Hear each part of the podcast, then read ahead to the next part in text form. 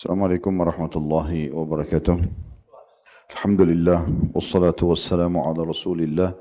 Segala puji dan puja kehadirat Allah Subhanahu wa taala juga salawat dan taslim kepada Nabi besar Muhammad sallallahu alaihi wa ala alihi wa sahbihi wasallam. Melanjutkan buku kita Sahih Targhib Tarhib dan kita masih dalam kitab Jumat dan bab yang sama bab kelima anjuran atau ancaman berbicara ketika imam berkhutbah dan anjuran untuk diam atau menyimak. Dan kita masuk hadis ketiga dalam bab ini dengan sanad sahih urutan 718 dari awal belajar berbunyi diriwayatkan dari Ubay bin Ka'ab oleh Ibn Khuzaimah dalam sahihnya dan juga dari Abi Dhar radhiyallahu anhu majma'in dia berkata دخلت المسجد يوم الجمعة والنبي صلى الله عليه وسلم يخطب فجلست قريبا من أبي بن كعب فقرأ النبي صلى الله عليه وسلم سورة براءة فقلت لأبي متى نزلت هذه السورة قال فتجهمني ولم يكلمني ثم مكثت ساعة ثم سألته فتجهمني ولم يكلمني ثم مكثت ساعة ثم سألته فتجهمني ولم يكلمني فلما صلى النبي صلى الله عليه وسلم قلت لأبي سألتك فتجهمتني ولم تكلمني. قال أبي ما لك من صلاتك إلا ما لقوت. فذهبت إلى النبي صلى الله عليه وسلم فقلت يا نبي الله كنت بجنب أبي وأنت تقرأ براءة. فسألته متى نزلت هذه السورة؟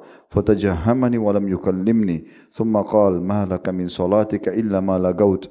قال النبي صلى الله عليه وسلم صدق أبي. هذه ترجمة kata Abi Dhar radhiyallahu anhu, aku masuk di hari Jumat dan Nabi SAW tengah menyampaikan khutbah. Maka aku duduk di sebelah Ubay bin Ka'ab. Kemudian Nabi SAW membaca surah Bara'ah atau surah At-Taubah. Maka aku bertanya kepada Ubay, kapan surah yang dibaca Nabi ini turun? Kata Abi Dhar menyambutkan riwayat, maka Ubay memandangku dengan muka yang marah dan sama sekali tidak menjawabku. Kemudian aku diam untuk beberapa saat, Lalu aku bertanya lagi kepadanya, akan tetapi lagi-lagi dia memandangku dengan muka marah dan tidak menjawabku. Kemudian aku diam kembali beberapa saat, lalu aku pun bertanya kembali yang ketiga kalinya kepadanya, akan tapi dia pun memandangku dengan muka marah dan tidak menjawabku. Ketika Nabi SAW selesai sholat, aku bertanya kepada Ubay, aku bertanya kepadamu, lalu kamu memandangku dengan marah dan tidak menjawabku. Kenapa? Ubay lalu menjawab, engkau tidak mendapatkan apa-apa dari sholatmu kecuali kesia-siaan yang engkau lakukan. Maka aku pergi kepada Nabi SAW dan bertanya kepada beliau, Wahai Nabi Allah, aku tadi duduk di samping Ubay ketika engkau telah membaca surah Al-Bara'ah atau surah At-Taubah. Lalu aku bertanya kepadanya kapan surah ini turun, akan tapi dia memandangku dengan muka marah dan sama sekali tidak menjawabku. Dan dia kemudian berkata kepadaku, engkau tidak mendapatkan apa-apa dari sholatmu, kecuali kesia-siaan yang engkau lakukan. Maka Nabi SAW mengatakan, Ubay benar. Riwayat ini memberikan beberapa pelajaran kepada kita. Yang pertama, bagaimana kejelian Abi Dhar radhiyallahu anhu dalam menyampaikan riwayat. Sebenarnya dia bisa langsung saja menyampaikan pesan Nabi SAW bahwasanya orang kalau berbicara pada saat khatib sedang ada di atas mimbar maka otomatis akan hilang sia-sia pahala Jumatnya. Namun dia menceritakan kisah tentang kejadian tersebut. Dan tentu di masa itu mungkin tidak terlalu dibutuhkan oleh orang apalagi yang hadir. Tapi kita yang datang setelah meninggalnya Nabi SAW, kita membutuhkan ini. Bagaimana dia bercerita, dia masuk ke masjid hari Jumat, Nabi SAW sedang khutbah, dia duduk di sebelahnya Ubay bin Ka'ab, kemudian dia bertanya, kapan turun surah ini, surah Al-Bara' atau surah At-Taubah, tapi Ubay malah memandangku dengan marah, lalu kemudian tidak menjawabku. Kemudian selanjutnya sampai dua kali, tiga kali aku tanya setelah setelah selesai sholat, baru kemudian aku tanya kepada dia lagi kenapa dia tidak memandangku dengan marah dan kenapa dia ya eh, apa namanya mendiamkanku. Maka eh, dia pun menjawab engkau tidak mendapatkan apa-apa dari pahala Jumatmu. Lalu kemudian aku mendatangi Nabi SAW, aku tanyakan semua itu, maka Nabi SAW mengatakan Ubay benar. Jadi di sini kejelian Abu Dhar menceritakan tentang kisah ini. Walaupun sebenarnya kisah ini kalau kita yang sedang menghadirinya mungkin ini adalah tanda kutip ya. Ada aib atau kekurangan bagi dia. Karena dia sedang melakukan pelanggaran. Tapi dia ingin menyampaikan bagaimana kejadian sebabnya kisah ini terjadi. Dan ini satu kejelian yang sangat baik. Karena dibutuhkan uh, dari proses kisah ini banyak pelajaran yang diambil. Seperti kita ambil nanti pelajaran yang kedua. Pelajaran pertama tadi kejadian Abidar menyampaikan riwayat ini.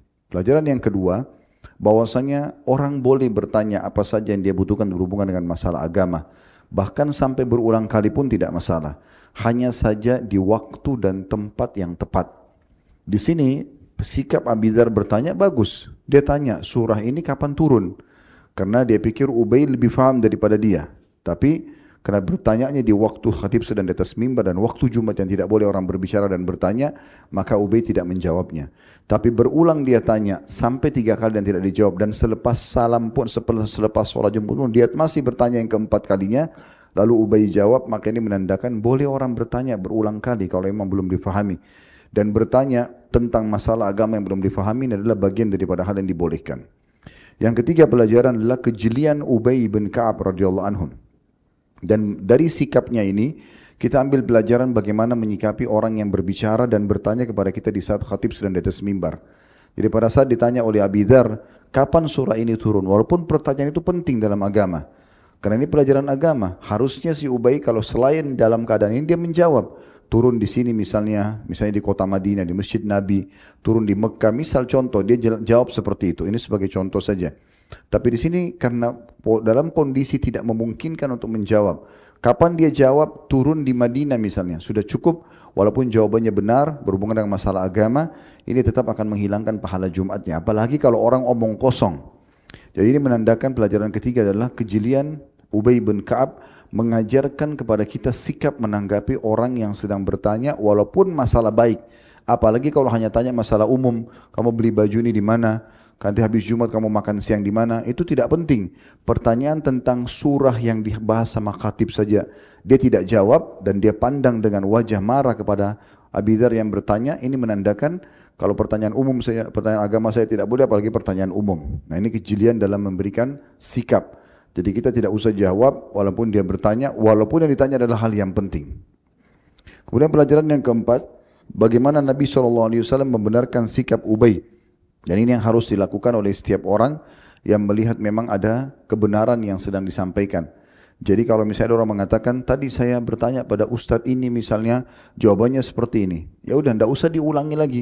Cukup mengatakan dia benar. Dan ini jawaban tepat.